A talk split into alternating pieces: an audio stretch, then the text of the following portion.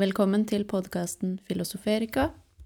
I denne podkasten filosoferer jeg over livet, over det å være høysensitiv, INFJ, og jeg snakker også om skriving, kreativitet og bruk av intuisjon. Og i dag skal jeg snakke med forsker og forfatter Mai Camilla Munkejord. Vi skal snakke om intuisjon og spirituell oppvåkning, og hva som skjer i skapelsesprosessen. Jeg hadde skrevet opp et perfekt manus til denne samtalen. Og så syklet jeg meg en tur i dag og kjente at eh, nei, æsj, jeg orker ikke å være så perfekt. Nå vil jeg legge bort manuset og bare snakke med meg, Camilla, rett fra hjertet.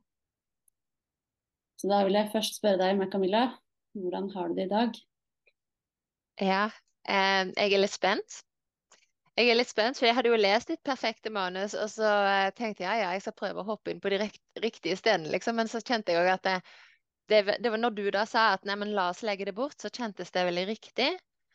Og eh, ja, jeg er veldig spent på samtalen. Jeg har det bra. Jeg har også sykla en liten tur i dag, og gleder meg masse til hva som vil dukke opp i samtalen med deg i dag. Mm. Mm. Så hva er du mest opptatt av for tiden?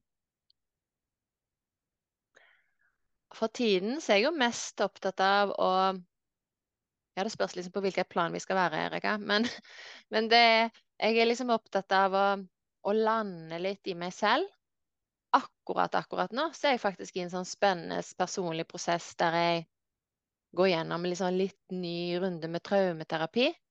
Med en litt annen metode enn det jeg har jobba med før. For min egen del. Før har jeg jo jobba med hypnoterapi. Og nå har jeg oppdaget eh, for ikke så lenge siden noe som heter IOPT, traumeterapi. Det står for, hvis jeg husker riktig, identitetsorientert psykotraumeteori. Um, og det er ikke så farlig akkurat det, men liksom det som er hovedpoenget der, det er at da jobber man med en metode som jeg kjenner er veldig riktig for meg, der vi legger bort det kognitive og så kobler jeg og terapeuten, eventuelt jeg og de andre deltakerne og terapeuten oss på hverandres felt. Og så bruker vi veldig intuisjonen for å kjenne etter ja, men hva handler dette om? Og jeg har bare vært på én time til nå, men den var helt revolusjonerende. Så veldig, veldig gøy. Men også litt slitsomt. Også litt slitsomt å være i en sånn prosess der man går enda dypere innover i kroppen og enda dypere inn i underbevisstheten for å komme på sporet av hva er det jeg bærer på der inne, som jeg ikke nødvendigvis trenger å ha med meg videre. Eh, fordi det kanskje skaper kluss for meg, det suger energi fra meg, det på en måte saboterer meg og hindrer meg. Så liksom Som, som jeg derfor nå er klar for å gi slipp på. Mm. For du har jo vært opptatt av traumer mm. de siste årene. Og for de som ikke kjenner deg, så har du nettopp kommet ut med en bok, eller nettopp og nettopp, et år siden, som heter Nove November? Halvt år? Ja. 'La masken falle', og som handler om dine barndomstraumer og måten mm. du har jobbet med det. Ja. Du har vært på veldig mange podkaster, og mange kjenner til deg, men for de som ikke kjenner deg, har du lyst til å si kort om hva boka handler om, uh, sånn bare for å gi en idé? Mm. Ja. Um, ja, det kan jeg gjerne gjøre. Altså boken 'La masken falle', den handler om Den begynner på en måte med et dikt som heter 'Barndommens infiserte brakkvann'. Og der jeg på en måte, det, det handler om min reise fra å innse at jeg som trodde at alt var perfekt, på en måte. Jeg innså at jeg bar på traumer. Og så eh, forteller på en måte jeg i boken om hvordan jeg innså det. Jeg forteller om min reise tilbake til barndommen. Hvordan det var for meg å erfare det jeg erfarte, da, som annet handlet om en far som var regelorientert, eh, og som var litt sånn paternalistisk oppdragerstil med mye lydighet og regler og strenghet og kjefting.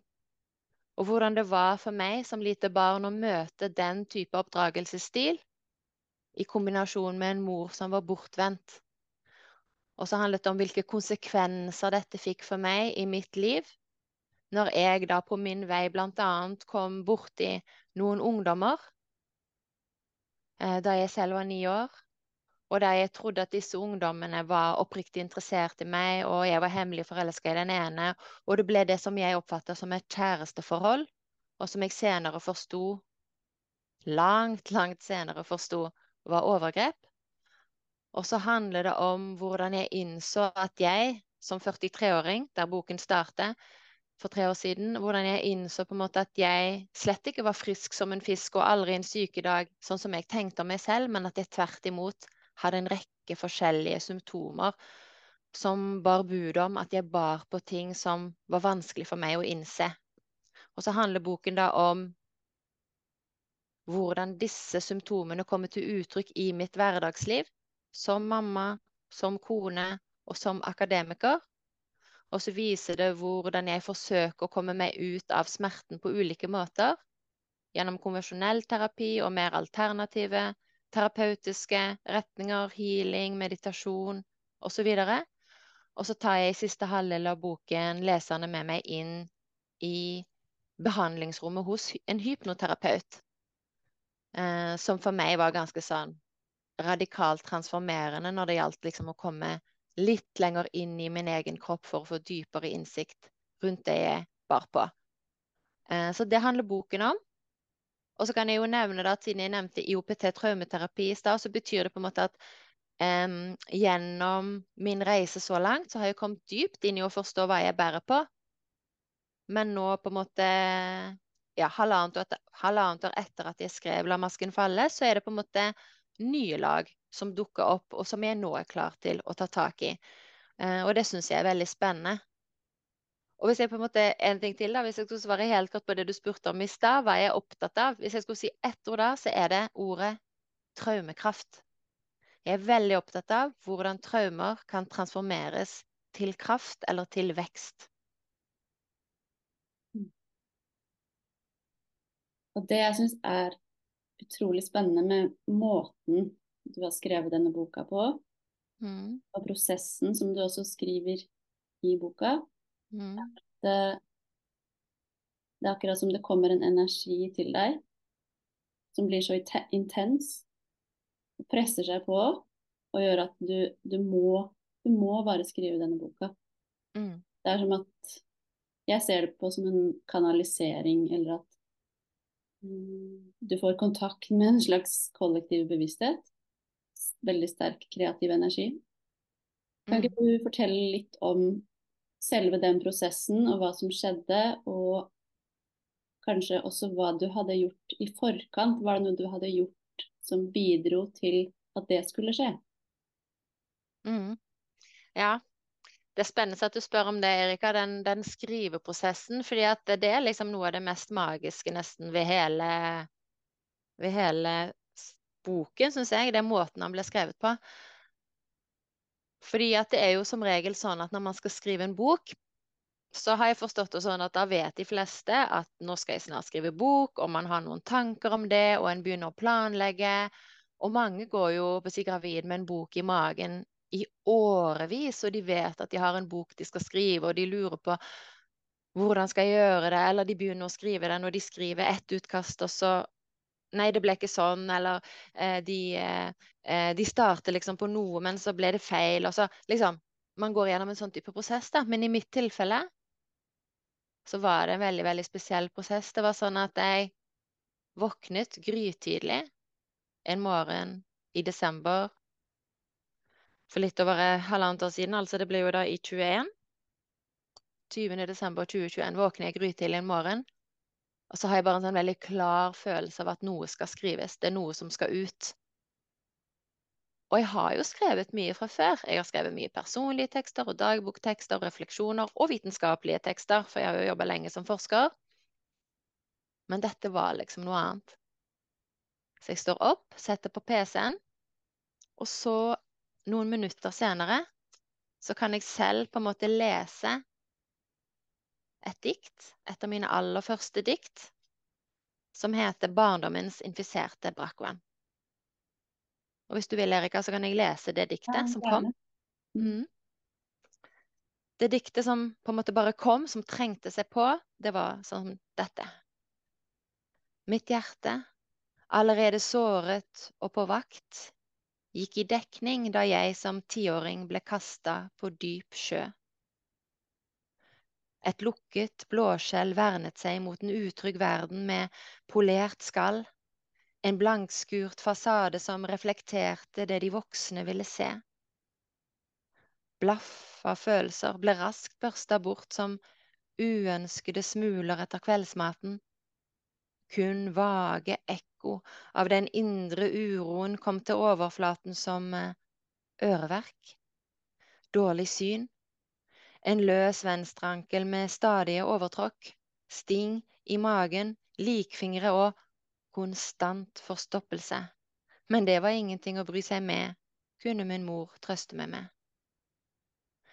Nå er blåskjellet dekket av rur, tang og tare, og jeg åpner meg endelig for å gi slipp på barndommens infiserte brakkvann. Og så barndommens infiserte brakkvann, tenkte jeg. Sånn har ikke jeg tenkt på min barndom før. Og så kom tanken dette, Mai Camilla, det er din bok, eller unnskyld, dette er åpningsdiktet i din personlige bok som skal handle om å gi slipp på barndomstraumer. Og så begynte jeg umiddelbart å ha en sånn indre dialog med meg selv, der en del av meg sier at neimen, jeg har ikke tid til å skrive noen bok akkurat nå. Det er jo straks jul, og jeg vil være julemamma, og jeg vil vaske julehus og være til stede for ungene mine på en helt annen måte enn jeg var i stand til å være i fjor, da jeg på en måte var langt sykere, langt mer deprimert og nedstemt. Men liksom den kraften som hadde hjulpet meg å skrive diktet, sa liksom du skal skrive denne boken. Du vil få hjelp. Og så er jo lett å overtale, og liksom det gikk litt mer fram og tilbake, men bare i noen minutter, og så ganske raskt så sa jeg til meg selv greit, jeg kan skrive denne boken. Selv om jeg ikke har planlagt å skrive noen bok, og selv om jeg for så vidt ikke har lyst til å skrive noen bok om barndomstraumer, så skal jeg skrive denne boken. Men da må jeg ha hjelp. Og så lagde jeg på en måte en avtale med meg selv om at jeg skulle stå opp klokken seks hver dag framover i juleferien. Skrive frem til klokken ti. Det skulle jeg gjøre, det skulle min innsats være, men da måtte jeg kunne forvente å få hjelp. Og så opplever jeg liksom at jeg får bekreftelse på det at ja, du vil få hjelp. Og så opplever jeg en sånn veldig kraft, en skrivekraft, en skriveenergi, eller kall det, hva, kall det hva du vil, som kommer liksom inn i meg. Og så fortsetter jeg å skrive. Og så bare skriver jeg uten å vite nøyaktig hvor jeg skal. Og jeg bare skriver. Ordene kommer. Og jeg skriver i fryd over ordene som kommer, og frykt for konsekvensene for hva Liksom frykt for hva konsekvensene eventuelt kan bli dersom jeg velger å publisere dette. Men så legger jeg frykten til side. Legger liksom egoet litt sånn til side, og så bare skriver jeg. Har tillit til skriveprosessen. Og så er det jo da sånn at et par uker senere så er råutkastet, eller egentlig faktisk et ganske greit førsteutkast, til hele boken på plass. Mm. Så fint. Når du snakket nå, så fikk jeg opp to spørsmål. Du sa at du får hjelp. Mm. Hvem er det du får hjelp av? Hvordan opplever du den hjelpen? Mm. Jeg vet jo ikke helt selv hvem den hjelpen er. Um, og på en måte På en måte kanskje kan man kalle det for at hjelpen er fra en sånn slags livskraft. Og at den livskraften er både inni oss og utenfor oss. Og det er en kraft som vi alle har tilgang til, om vi velger å tillit, om vi velger å åpne oss. Og på en måte at når man da åpner seg, så åpner man seg både utover og innover samtidig. Og så kan man på en måte se for seg den livskraften på ulike måter. innenfor religioner så ser man jo for seg den livskraften i bestemte gudeskikkelser. Innenfor kristendommen som kanskje et triangel mellom Gud og Jesus og Den hellige ånd. Noen kristne vil kanskje tenke at det jeg snakker om, er Den hellige ånd. Um, jeg personlig tenker ikke på det direkte som Den hellige ånd, fordi at jeg definerer meg ikke som kristen innenfor statskirken. Men det som ga litt mening for meg på det tidspunktet for halvannet år siden, det var å se for meg denne kraften som et kraftdyr. Ehm, jeg kunne sagt før det at andre kunne ha sett for seg den kraften som eh, sitt indre barn, eller kanskje som en engel, eller som en guide, en spiritual guide. Og på en måte så spiller det ikke så stor rolle. Jeg så det for meg som et kraftdyr. Og jeg følte at faktisk at det var en slags bever som viste seg for meg i mitt indre. Og da mener ikke jeg at, at jeg tror at det var en bever. Jeg mener at bildet bever, metaforen bever, ga mening for meg. Og så følte jeg på en måte at jeg så for meg at beveren ba meg også samarbeide, og at vi sammen skulle bygge en demning, grein for grein. At vi skulle bygge noe sammen. Og at det liksom var litt sånn derre just do it, la oss samarbeide, energi. Så jeg takka beveren, for det var på en måte en metafor jeg forsto, og sa at greit, da skriver vi denne boken sammen. Det er utrolig fascinerende. Ja, det er rart. Jeg har opplevd det, ikke så sterkt, men jeg har også opplevd få en slags hjelp, eller at ordene skriver seg mer selv. At jeg skriver noe som jeg ikke visste at jeg hadde i meg. Det er, det er jo det de fleste kunstnerne, kunstnere higer etter. Komme dit. For det oppleves så magisk. Mm. Og du har jo Det som også fascinerer meg med denne skriveprosessen, er at du har fått tilgang til nettopp det, informasjon som du kanskje ikke husket, du visste ikke at du hadde. Du, du har fått tilgang til traumeteori. Som, ikke sant, hvordan kan du forklare at du har kunnskap om noe som du ikke har lest deg opp på? Altså, hvor, hvor kommer denne kunnskapen fra? Og er ikke det litt uforklarlig? på en måte? Mm. Jeg tenker at det er litt sånn uforklarlig. For det er på en måte det er ulike lag av ting som jeg ikke kognitivt var så bevisst på, som kommer frem i La masken falle. Det ene er jo Det ene er jo på en måte litt sånn Kanskje ikke konkrete minner, for de fleste minnene fra mitt eget liv som jeg skriver om, hadde jeg jo blitt bevisst i terapeutisk arbeid i løpet av de siste ukene og månedene.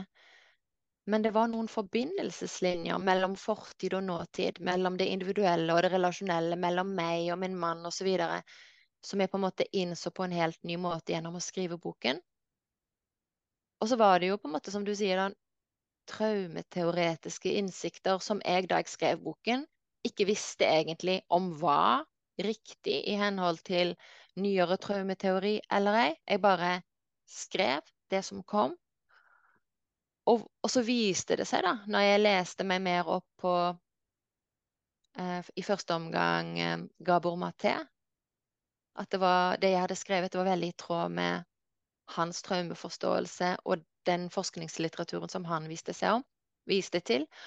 Og nå i senere tid, helt de aller siste ukene, så har jeg også begynt å lese meg litt opp på Frans Ruppert, som er en professor i Tyskland, som er grunnleggeren av denne her IOPT, traumeterapien, som jeg nå selv prøver ut som klient. Um, og det viser seg òg at det jeg har skrevet om, er veldig sånn i tråd med hvordan han ser for seg at traumer oppstår og kommer til overflaten som symptomer vi ikke forstår, og kommer til overflaten som kommunikasjonsmønstre og handlingsmønstre som vi ikke forstår, og som gjør at vi på en måte kommer stadig lenger bort fra oss selv og vår kjerne. Og som til slutt på en måte da kan bli så smertefullt at vi enten da går i en sånn slags paralyse, eller vi kommer dit at vi innser at nå må jeg gjøre noe. Og så åpner man seg opp, og så ber man om hjelp, og så kan det hende at man får den hjelpen man trenger. Som kan være da den riktige terapeuten, eller det riktige nettkurset, eller den riktige boken, eller den riktige intuisjonen som gjør at en forstår litt mer av hvem man er. Og det, det er mye mer der òg som jeg kan gå inn på, som er i tråd med hans teori. Men liksom, hvor kom det fra? Og det eneste, den eneste forklaringen jeg har, det er jo Jeg har lest litt grann eh, kvantemekanikk.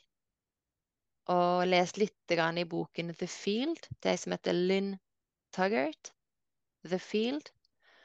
Og det man skriver om, da, i boken The Field, og det man snakker om innenfor kvantefysikk, og kanskje òg nyere nevropsykologi, det er jo at vi mennesker, vi er både materialitet og energi samtidig. Vi er både materialitet og energi samtidig, og som energi så er vi til stede både akkurat her som vi sitter, men vi er samtidig på en måte til stede overalt. Vi er både oss selv og fellesskap. Både på en måte Vi er både separate og sammenfiltret, entangled, i hverandre samtidig. Og denne oneness, eller entanglement, denne enheten som vi også er, den gir oss tilgang til dette feltet som du snakket litt om du òg, Erika, i stad. Denne her felles bevisstheten. Og denne kollektive felles bevisstheten. Der finnes på en måte alt som er tenkt, og alt som er sagt, og liksom Der, der finnes det. Og ved å åpne seg opp, så kan vi altså få tilgang til ting vi ikke visste. Ting som vi ikke egentlig har lest, men som kommer til oss fordi at Kanskje fordi at vi har en intensjon om å gi det videre. Sånn, vi får det som en gave for at vi skal gi det videre. Og det var jo òg kanskje derfor at det var såpass maktpåliggende for meg å gi ut boken 'La masken falle', selv om det på en måte var en bok som såret mine nærmeste. Kan du si litt mer om det? Det siste du sa. Det var, det var maktpåliggende å gi den ut. Mm. Du måtte gi den ut selv om det var forbundet med mye frykt, og du visste at du ville såre de nærmeste. Mm. Ja. Og hva, hva var det som skjedde der, altså? Jeg føler at vi kanskje skal litt tilbake til den der, de to motstridende følelsene som boken ble skrevet med. Fryden. Den overraskende Altså den overraskelsen og fryden over ordene som bare kom, og som ga mening. For meg selv. Og som jeg forsto også ville gi mening til andre. Nye innsikter som jeg selv på en måte ikke tidligere hadde hatt, og som jeg tenkte at dette er det mange som trenger. For vi er så sneversynte i dagens samfunn og i dagens helsevesen når det gjelder hvordan vi forstår helse og uhelse og sykdom og tilfriskning osv. Og, og så samtidig så var det denne frykten, kanskje egoets frykt, som var opptatt av men hva blir konsekvensene for deg, Mai Camilla, hvis du velger å utgi dette? Og på, i løpet av skriveprosessen så kjente jeg jo på at kanskje er det nå, hvis jeg velger ut i dette, at jeg blir skilt for andre gang. Kanskje vil til og med ungene vende seg bort fra meg.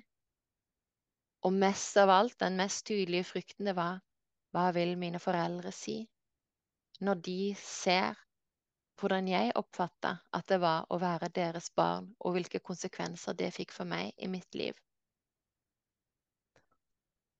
Og så var jeg jo inne på tanken, både når jeg skrev og i ukene etter, på kan jeg legge dette manuset inn i, i en skuff? Er det greit at jeg bare legger det i en skuff og ferdig med det? Og da liksom fikk jeg helt sånn pusteproblemer og press på halsen, helt ekstremt, liksom, så det føltes ikke som et alternativ. Og så var neste spørsmål OK, OK, men eh, kan jeg gjøre som enkelte andre forfattere og bare liksom kalle det for en roman og gjøre noen små endringer? Kan det være greit? Og jeg leste mange forfattere som jeg visste fortalte om selvopplevde ting.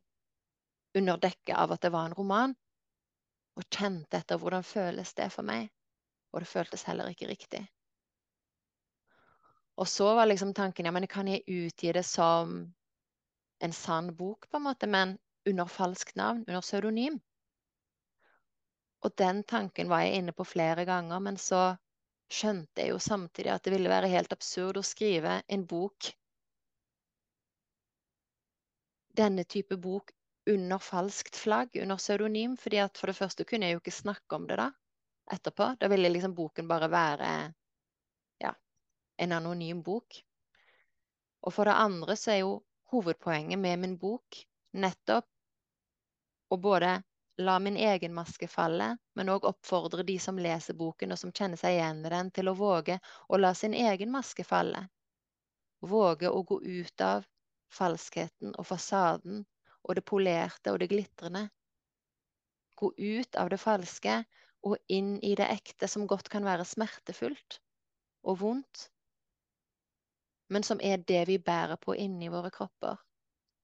Og hvis at jeg skulle på en måte kunne inspirere andre til å være ærlig i sitt liv, så måtte jo jeg være ærlig om at dette er mitt liv. Dette er mine minner. Dette er min forståelse av hva dette og disse opplevelsene gjorde med meg i mitt liv. Og sånn har jeg hatt det. Jeg hadde det jo så vondt en lang periode at jeg ønsket helst å få lov til å dø. Og det er jo veldig mange andre òg som har det så smertefullt i dagens samfunn at de helst ønsker å dø. Og da vil jo det å våge å være ærlig om min historie kanskje kunne gi håp til andre om at alt kan snu. Så er det sant at alt kan snu. Og siden måte da jeg hadde skrevet det fram, eller fått hjelp til å skrive dette fram på en litt sånn lettlest og drivende måte, som kunne appellere til andre sine hjerter, så føltes det maktpåliggende og gi det ut. Og når jeg først hadde bestemt meg for det, så kunne det på en måte ikke gå raskt nok. Da gjaldt det å få boken ut, til tross for at enkeltmennesker, og primært av mine foreldre, og kanskje aller mest min mor, syntes det var fryktelig vondt å bli beskrevet som bortvendt, emosjonelt bortvendt. Det er det begrepet jeg bruker om henne. Og jeg forstår fra et egoperspektiv at det er vondt å bli beskrevet som emosjonelt bortvendt. Men det jeg da tenker, det er at vi gjør alle så godt vi kan ut ifra våre forutsetninger. Og vi har alle en historie. Mamma har sin historie. Jeg har min historie. Pappa har sin historie. Vi har alle våre egne erfaringer og minner og traumer som gjør at vi handler sånn som vi handler.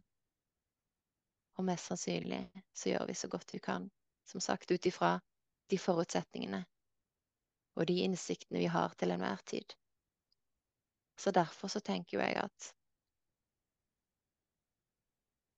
Ja, jeg tenker at eh, alt kan tilgis, men det er noen annen sak. Jeg tenker at jeg har forståelse for de som såret meg, og jeg har forståelse for at jeg nå sårer andre, og at jeg tror at vi skal ikke være så redd for å såre andre. Det vi skal være mest av alt opptatt av, det er å være sanne mot oss selv. Mm. Jeg var jo på boklanseringen din i Oslo, på Litteraturhuset. En av de mange.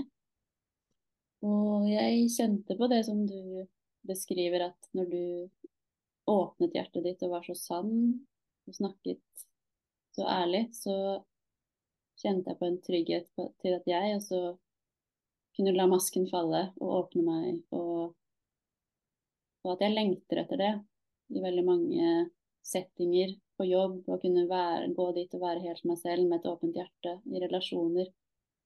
Det er vel det mange mennesker lengter etter, og jeg vet at du har fått masse gode tilbakemeldinger på boka di, og takk for at du Nå kan jeg endelig eh, åpne meg, nå kan jeg vise hvem jeg er, nå kan jeg være sann mot meg selv, ta tak i traumene mine. Så det jeg fikk opp også når du snakket, var at uh, jeg fikk også det opp at du har Du fikk en slags forpliktelse når du tok imot hjelpen til at mm, OK, jeg tar imot hjelpen, og da skal denne boka ut, sånn at mm, du også kan hjelpe de som trenger det. Mm. Enig. Ja. Og så lurer jeg på om vi kan gå litt tilbake til denne prosessen igjen. Fordi du sa jo også at du har skrevet før. Du har skrevet Mm. ting før. Mm. Eh, du har også gitt ut en bok før, som jeg vet. Du har skrevet masse masse forskningsartikler. Nå har vi ikke snakket uh, så mye om deg, men du har vært professor og er fortsatt i akademia og forsker. Mm. Så du har skrevet masse. Og så sier du at denne gangen så var det helt annerledes. Det var noe helt annet enn det har vært før.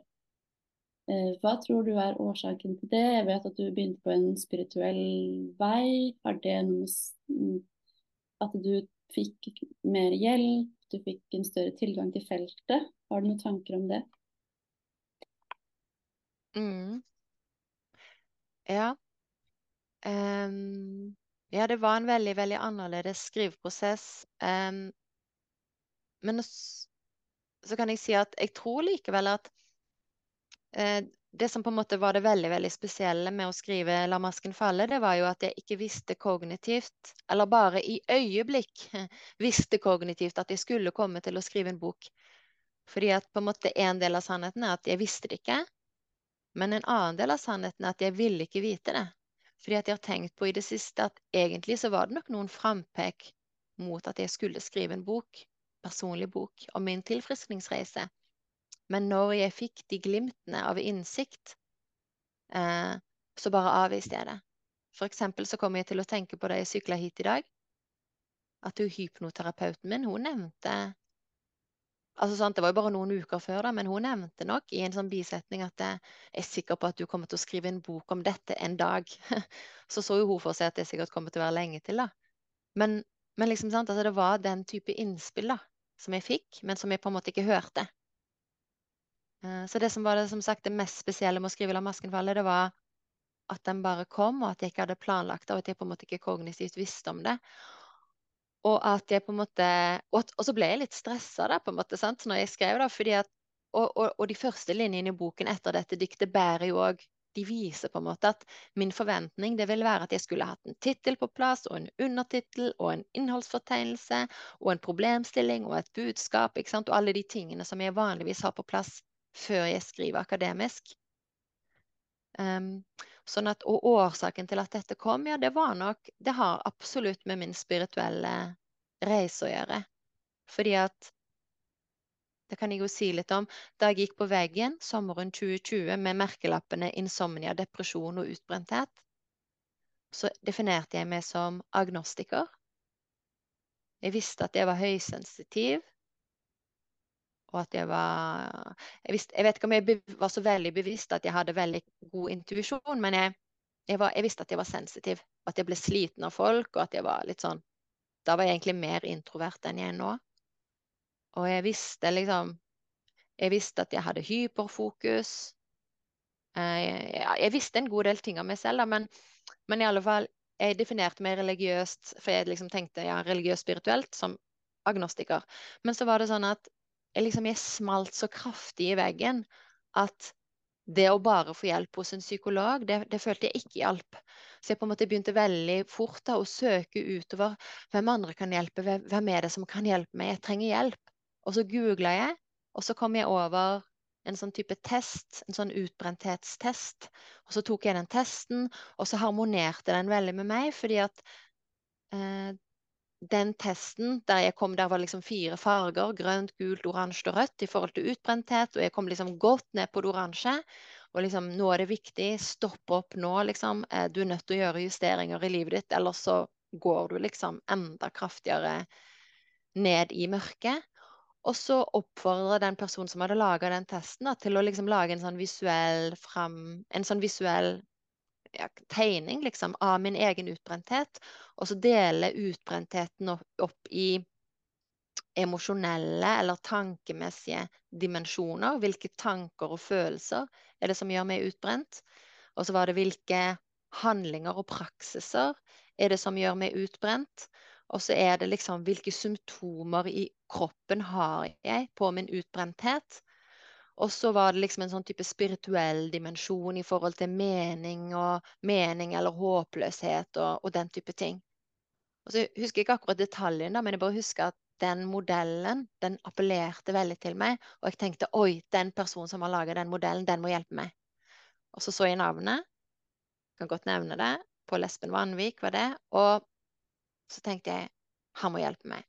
Og så skrev jeg en e-post til denne Pål Espen Vanvik. Og la merke til at han også omtalte seg som sjaman, men på det tidspunktet så tenkte jeg sjaman eller ikke sjaman whatever, liksom. Hvis han har en eller annen modell eller oppskrift eller et eller annet som kan hjelpe meg, noen verktøy, så vil jeg gjerne ha de. Så jeg skrev en opp en e-post, spurte om han ville være min livsveileder, og det sa han ja til. Og jeg er ikke lenger på en måte student, eller jeg tar ikke lenger imot veiledning fra på lesben, men i en periode så var det nyttig for meg. Og det viktigste, tror jeg faktisk, det var at på lesben eller det viktigste jeg fikk med meg, da, det var for det første å koble meg på naturen. Åpne meg opp for naturens rytmer, naturens årstider, lyd i naturen, altså fuglenes sang, eh, bjørketrærne som rasler i vinden. Koble meg, noe, koble meg på himmelen og skyformasjoner hver eneste dag. Minne meg på at himmelen Himmelen er på en måte Eller representerer det havet av muligheter vi har, da, eller de uendelige mulighetene vi har. Så liksom én koble meg på naturen. På alle mulige måter. Koble meg på naturen. Utendørs meditasjon. Etter hvert nå òg jeg i sjøen. Høre på fuglene, oppleve at fuglene kommer til meg oppleve at trærne kanskje har et budskap til meg. Bruke naturen som en sånn slags resonans da, eller et speil på meg som gir meg det jeg trenger. Det var noe av det viktigste jeg lærte der. Og så én ting til kan jeg nevne, og det var at jeg lærte Og det trengte jo jeg som akademiker. Jeg lærte å gå ut av ekspertrollen og inn i en sånn type novise-lærlingrolle, der jeg stilte meg selv spørsmålet hva om alt jeg har tenkt frem til nå, ikke stemmer? Hva om mine forståelser av hva det vil si å være et menneske, og hvorfor vi er der, hvorfor vi er her, ikke stemmer? Hva om det kan være sant at mennesket er uendelig mye mer enn det jeg hittil har trodd? Hva om det er sant at vi har flere enn de sansene som vi per i dag tar i bruk? Og så med den nysgjerrige holdningen der, da, med den åpne holdningen, så åpner jeg meg stadig mer opp for nye kurs, gjennom nye kurs, gjennom bøker jeg leste. Og jeg er fremdeles på den spirituelle åpningsreisen, på en måte. Så jeg er fremdeles i den fasen hvor jeg renser ut traumer og tanker og følelser og minner jeg ikke trenger å bære på lenger. Men det er klart at det å våge å åpne seg på denne måten, det var nok en forutsetning for at jeg kunne skrive 'La masken falle'. For ellers ville jeg jo aldri trodd at det skulle være mulig å skrive en bok uten å ane hva den skulle handle om. Ja, det der er utrolig, utrolig fascinerende. Mm. Og det som jeg tenkte på når du prata nå også, for du har jo fortalt meg at du ja, du er forsker, akademiker. Mange syns det er veldig spennende. Det går an å være både forsker, akademiker og spirituell, akkurat som det er to motsetninger. Mm.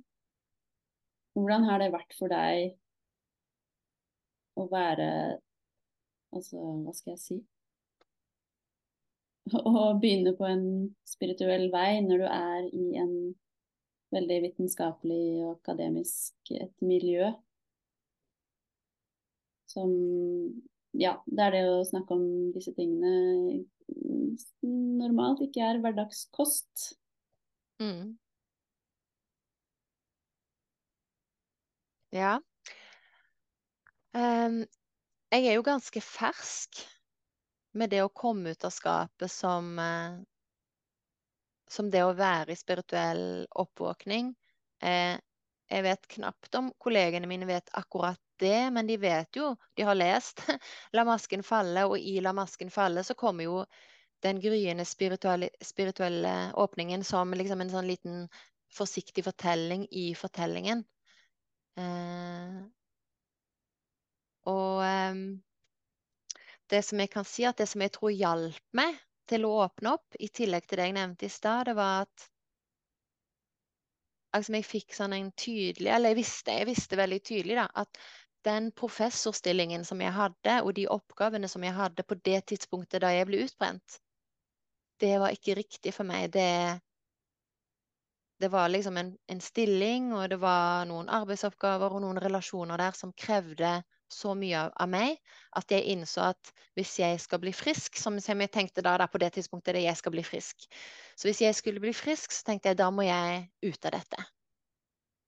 Så da sa jeg først opp et verv som jeg hadde som leder for et doktorgradsprogram. Det gjorde jeg umiddelbart. Det gjorde jeg sikkert bare noen dager etter at jeg fikk sykemeldingen fra legen. Jeg har en tendens til å kunne være veldig spontan. Eh, og jeg husker også faktisk at jeg sendte en sånn eh, mail til lederen min og sa at jeg ønska å slutte i stillingen. Ja. Eller, eller, og så skrev jeg etter hvert ja, en mail at jeg ønska også å slutte i stillingen som professor. Eh, og da fikk jeg beskjed om at da måtte jeg bruke litt mer tid på å tenke over det, så jeg brukte litt mer tid. Men så kjente jeg at det var riktig for meg å trekke meg fra stillingen, slutte i stillingen som professor. Og det tror jeg fra et overordnet perspektiv var veldig riktig av meg å gjøre. fordi at når jeg trakk meg fra stillingen som professor, så var det på en måte både skamfullt Fordi liksom A failure, liksom. Det var liksom sånn mip, mip. Du feiler, du klarte ikke dette. Litt en sånn type lampe som eh, blinka, men samtidig så var det jo ekstremt frigjørende. Fordi at når jeg kunne slippe tittelen professor, så kunne jeg jo samtidig slippe alle forventningene knytta til hva man skulle gjøre, da i den rollen som professor. Og så var jeg veldig heldig å få en lavere stilling i det akademiske systemet som såkalt postdoc. Så jeg gikk på et nytt felt da, i omsorgsforskning. Eh, så det, ting la seg veldig til rette for meg, og jeg fikk den postdoc-stillingen som var en fullstendig fri forskerstilling. Denne stillingen her var til og med ingen Det var ikke noe prosjekt engang. Jeg kunne selv forme stillingen helt selv. Så jeg fikk på en måte nok en gave, nemlig en tidsflate da, på Etter hvert har det vel blitt en to, to og et halvt år, tre år. En tidsflate med lønn der det eneste jeg skulle gjøre, det var å publisere artikler. Men på de tingene som jeg selv ønska å publisere på, og som hadde noenlunde relevans da, for uh, omsorgsforskningsfeltet. Så i en sånn type fri stilling, da, så hadde jeg mulighet for å være fleksibel, jeg hadde muligheter for å starte dagen med meditasjon. Jeg hadde muligheter for å ha hjemmekontor når jeg trengte det. Jeg hadde muligheter for å ta hensyn til meg selv, for å hvile de dagene jeg trengte å hvile. For å gråte de dagene jeg trengte å gråte. For å lukke meg inn på mitt eget kontor og ikke snakke med noen de dagene jeg trengte det. Sånn at på en måte det var en sånn type stilling da, som ga meg muligheter for tilfriskning. Og nå, da, på en måte, når jeg nå er jeg faktisk tilbake med professortittel òg. Jeg er professor i interkulturelle studier nå. Nå føles det veldig greit, fordi at nå når jeg da gikk inn i den nye professorstillingen, så kunne jeg gjøre det fra et sånn totalt ærlig sted. Så den søknaden jeg skrev, da, det var liksom jeg er en kvinne, jeg har opplevd utbrenthet, insomnia, depresjon, jeg er i spirituell oppvåkning, jeg er opptatt av disse og disse temaene.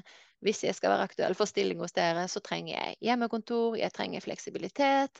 Eh, jeg, må, jeg kommer til å forske og publisere masse. Jeg kommer til å veilede masse, for det er jeg god på. Og jeg kan godt undervise litt, men det må enten være i små grupper eller slik og sånn. Men liksom, this is me. If you want me, Go ahead, if not, I don't care. Nesten sånn, hvis du skjønner. Og så fikk jeg jo denne, sant? så da ordner det seg jo. For når man er tydelig på hvem man er, og hva man kan, og hva man vil, så får man jo veldig ofte det man ber om. Så ting holder jo på å legge seg til rette for meg nå, og jeg kommer til å jobbe da, i denne i en mindre stilling i akademia etter hvert, og så bruker jeg stadig mer tid til å skrive. Og så er jeg åpen om hvem jeg er, At jeg, opplever, jeg har opplevd traumer, jeg skriver om traumer, jeg skriver om meg selv. Og bøkene mine er jo på en måte ikke bare personlige fortellinger, men det er jo samtidig en sånn type det du kan kalle for en autoetnografisk analyse, eller mikrososiologisk analyse av hva det vil si å være et traumatisert menneske i dagens samfunn. Og hva det er som traumatiserer oss, og hvordan vi kan møte traumene våre og sette oss selv fri. Og det tror jeg jo er av stor allmenn interesse. Sånn at nå har jeg jo allerede skrevet bok nummer to om samme tema, men da ikke barndomstraumer, men traumer og parforhold. Og så eh, har jeg begynt å få opp tydeligere tanker, stadig tydeligere tanker om bok nummer tre og fire og fem osv. Så, videre. så jeg innser jo at fremover så skal jeg jo skrive. Jeg skal skrive denne type personlige bøker som er i skjæringspunktet mellom ja, biografi og fortelling og fag. Der jeg bruker meg selv og mine erfaringer for å vise sammenhenger som vi ellers kanskje bare mer har en sånn type abstrakt teoretisk etter hvert innsikt om, men der jeg tror at det å bruke levd liv, å bruke et emosjonelt språk, det kan appellere til mange flere og nå ut til mange flere. Og det tror jeg er viktig. Disse overgangstider som vi jo lever i. Ja. Der må jeg bare Mm. skyte inn at jeg leste en veldig fin forskningsartikkel av en som du også kjenner, da, Christian Stokke. Mm. Som har skrevet eh, med et eh, veldig klart språk, lettlest, innlevelse. Det var en befrielse å lese, for jeg har også jobbet litt grann i akademia og lest mye forskningsartikler. Og det er akkurat som at de, de prøver å gjøre det så vanskelig som mulig. Eh, og Men- der har jo Ja. Akkurat det kan jeg si noe på, det har ikke jeg vært så bevisst, men der har jeg på en måte ubevisst vært en sånn slags motsats til det der, der med fremmedgjørende språk. Og jeg òg kjenner ofte litt sånn Jeg kjenner litt motstand mot når mine kolleger i et forsøk på kanskje å gjøre det mer eh, vitenskapelig, tror de, da? Så, så grumser de det til med et sånt språk som blir nesten utilgjengelig. Og jeg har alltid vært som sagt veldig imot det, så, så doktorgraden min den skrev jeg på norsk. Eh, og jeg skrev den med tanke på at den skulle være god å lese for min tante. Jeg hadde min tante liksom sånn imaginær leser. Og selvfølgelig er det jo, det er jo fagord og noe greier der, liksom, men det er primært, da. Det er noe som er tilgjengelig, og for meg er det veldig veldig viktig å skrive tilgjengelig, og forskning som ikke er tilgjengelig, har etter mitt syn ganske liten verdi, da. Um, så det er jeg enig med deg at klart språk, tilgjengeliggjøring, gjerne emosjonelt språk, gjerne egne erfaringer, gjerne dikt inn i forskningen, sånn at vi på en måte ikke bare øver oss på noen sånne matematiske, statistiske analyser da, som er helt, da, i samfunnsvitenskapen, totalt irrelevant for levd liv. Mm. Mm. Ja, jeg er helt enig. Og du, er det sånn at du kommer til å trappe ned Jeg syns du nevnte det også, at Ja. du vil jobbe mindre som akademiker og mer som forfatter? Ja. Jeg ser for meg, Hvis det blir som jeg ser for meg nå, så tenker jeg å, å ha en 50 %-stilling i akademia som professor. Jobbe litt med forskning og publisering og veiledning og undervisning. Og så ha på en måte rundt halve arbeidstiden, hvis man kan se på det sånn, da, til, til meg selv og til skriving og til mine ting. Eh, og på en måte så er det sånn allerede, da, siden, siden jeg har denne veldig fleksible forskerstillingen. Men, men jeg skjønner jo at en postdoc varer ikke evig. sant? Den er ferdig når dette året er slutt, så er den stillingen. Eller kanskje det er ute i vår neste år. Men på et eller annet tidspunkt hvert fall, så er denne friheten slutt. Og da må jeg jo på en måte ha en annen tilknytning. Så da tenker jeg at ja, 50% i akademia, og så velge å stole på at jeg også vil få litt inntekt da, av eh, bøker, kanskje. Skrive coacharbeid, kanskje redaktørarbeid.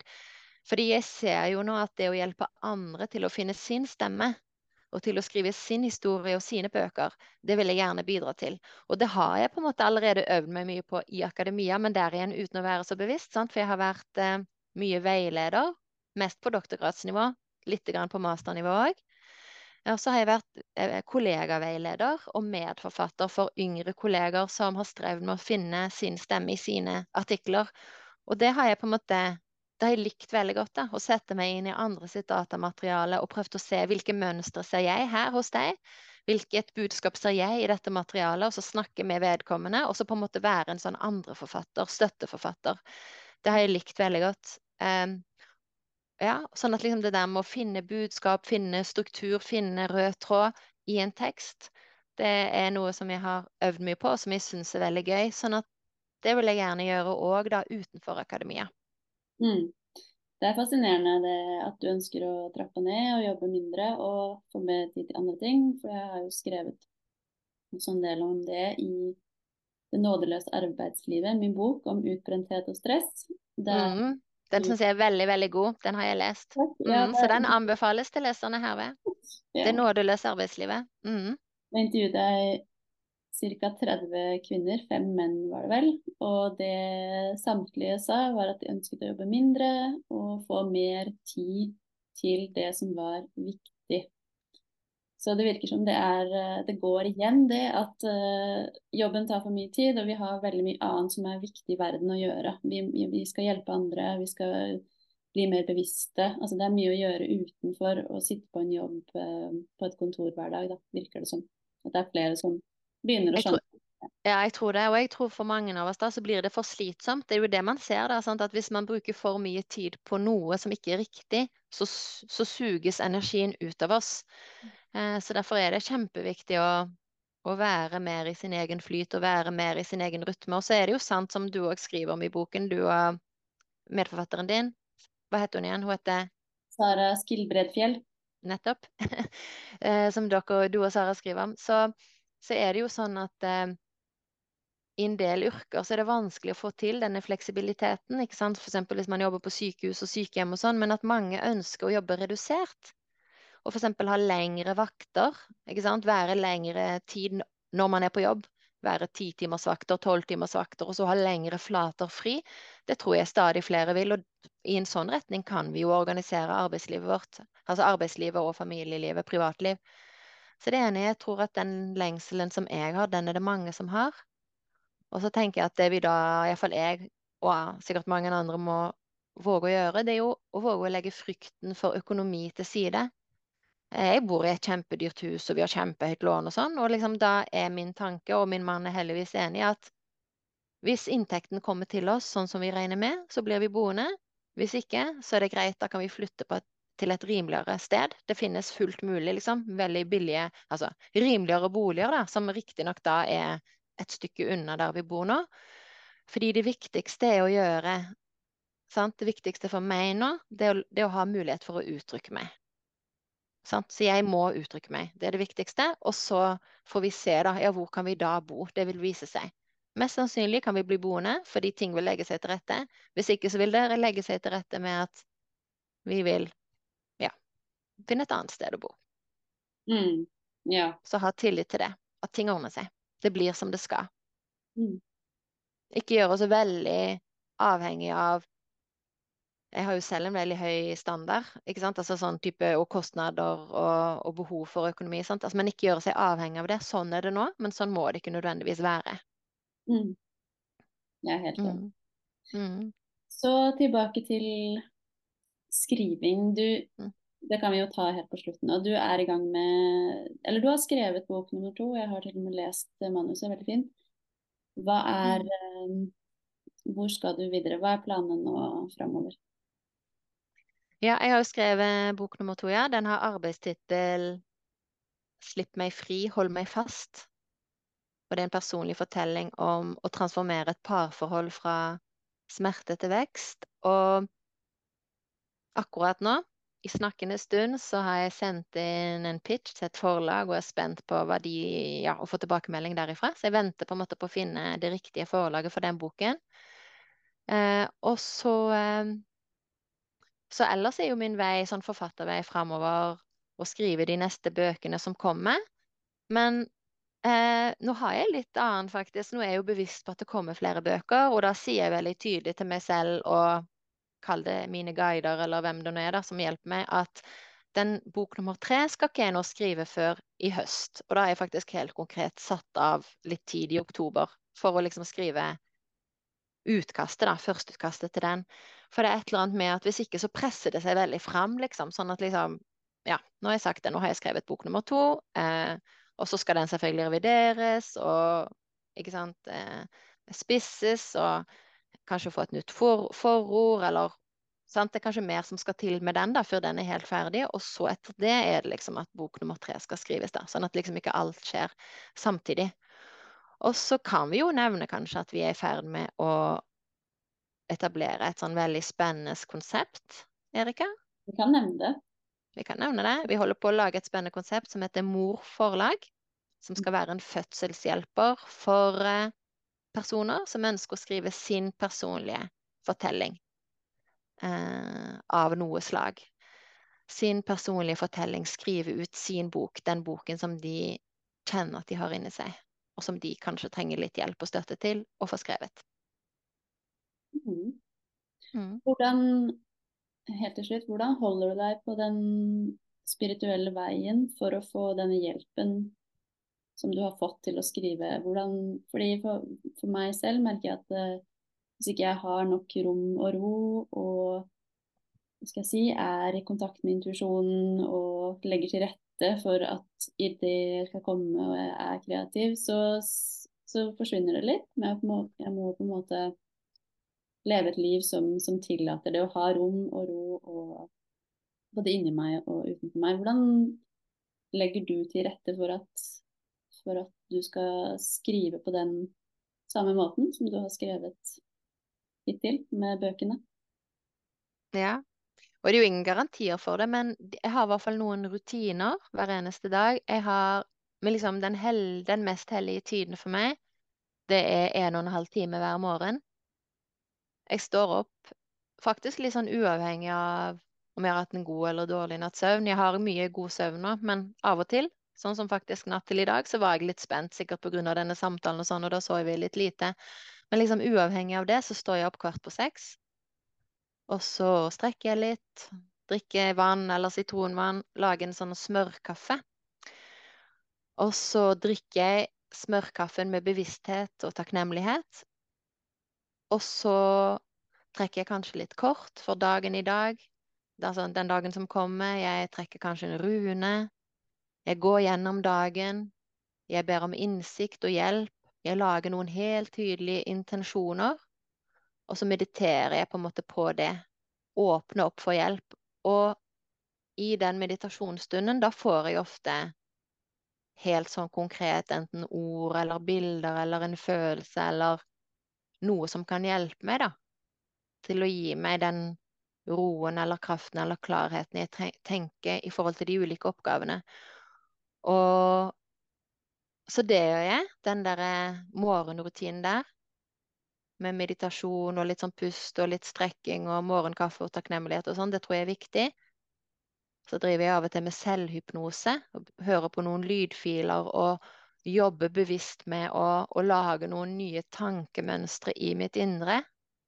Som for eksempel å våge stadig mer helhjertet å tro at jeg er verdifull og verd å elske.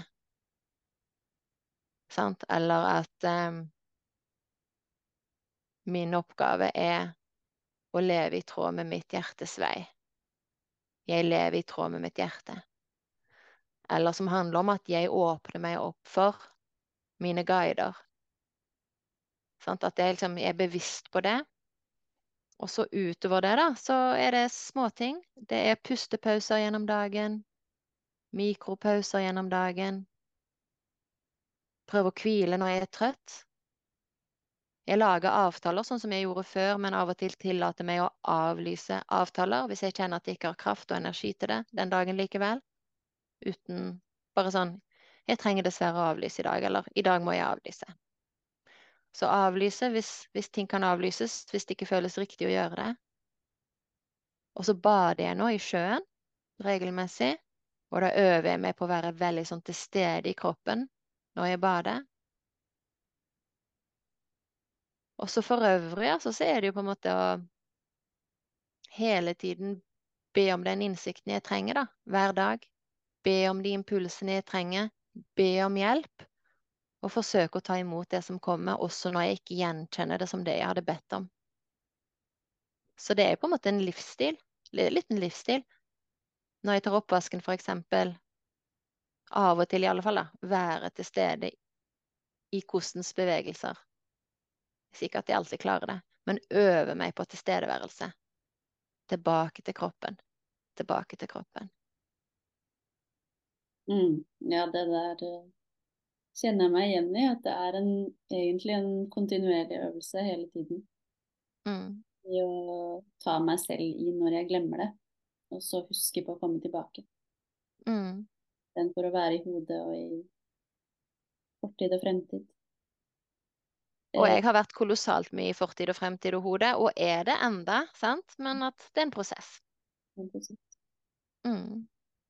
Jeg også sov forresten dårlig, eller jeg sov lite natt til i dag fordi jeg også grudde meg, eller var spent på denne samtalen. Jeg vet ikke helt hvorfor. Det er jo, vi snakker jo mye sammen ellers òg, men det var et eller annet som var ekstra spennende i dag. Mm. Det, så, ja, det var det for min del òg. Jeg sov fem timer, men det fikk være greit nok. Jeg sov seks timer. Men uh, jeg syns den vel, ble veldig fin uansett. Er det noe du brenner inne med som du vil si på slutten, og som du Nei, det er ikke noe. Så jeg vil bare takke så mye for denne fine samtalen. Mm. Jeg vil også takke deg for uh, kjempefin samtale. og At vi kunne møtes og, og prate helt eh, uten manus, men likevel så har vi, tror jeg, vært innom en del av det jeg skrev opp. Fordi vi har skrevet det ned, og så har vi lagt det bort, og så kommer det likevel naturlig. Så det syns jeg er en veldig kul måte å gjøre det på. Mm. Veldig. Tusen takk skal du ha. Selv om jeg kjenner at det, i starten, det kan jeg jo si da, i starten så var det sånn Oh my God, kommer det til meg? Liksom skurr i hodet. Men så roer det seg ned, da. Så det er litt sånn artig. Det er jo liksom det der med at ja, det kan være litt skummelt, og så er det på en måte puste, yes, så er man til stede i seg selv. Du er kjempedyktig formidler, det må jeg si. Du er så klar og tydelig og superinteressant. Jeg lærer masse av deg hver gang jeg hører på, så du har ikke noe å uroe deg for. Men jeg kjenner igjen følelsen av å føle at eh, nei, men jeg kan jo ingenting, egentlig. Rett før jeg skal på noen sånn type podkaster. Så det er veldig gjenkjennelig, men du klarer deg så utrolig bra hver gang. Så Tusen, tusen takk, Erika. Det var veldig fint å snakke med deg, og jeg gleder meg til neste gang. Det blir helt sikkert nye podkastsamtaler på oss, tror jeg. ja. Og vanlige samtaler. Ha det bra. Ha det bra. Ha det.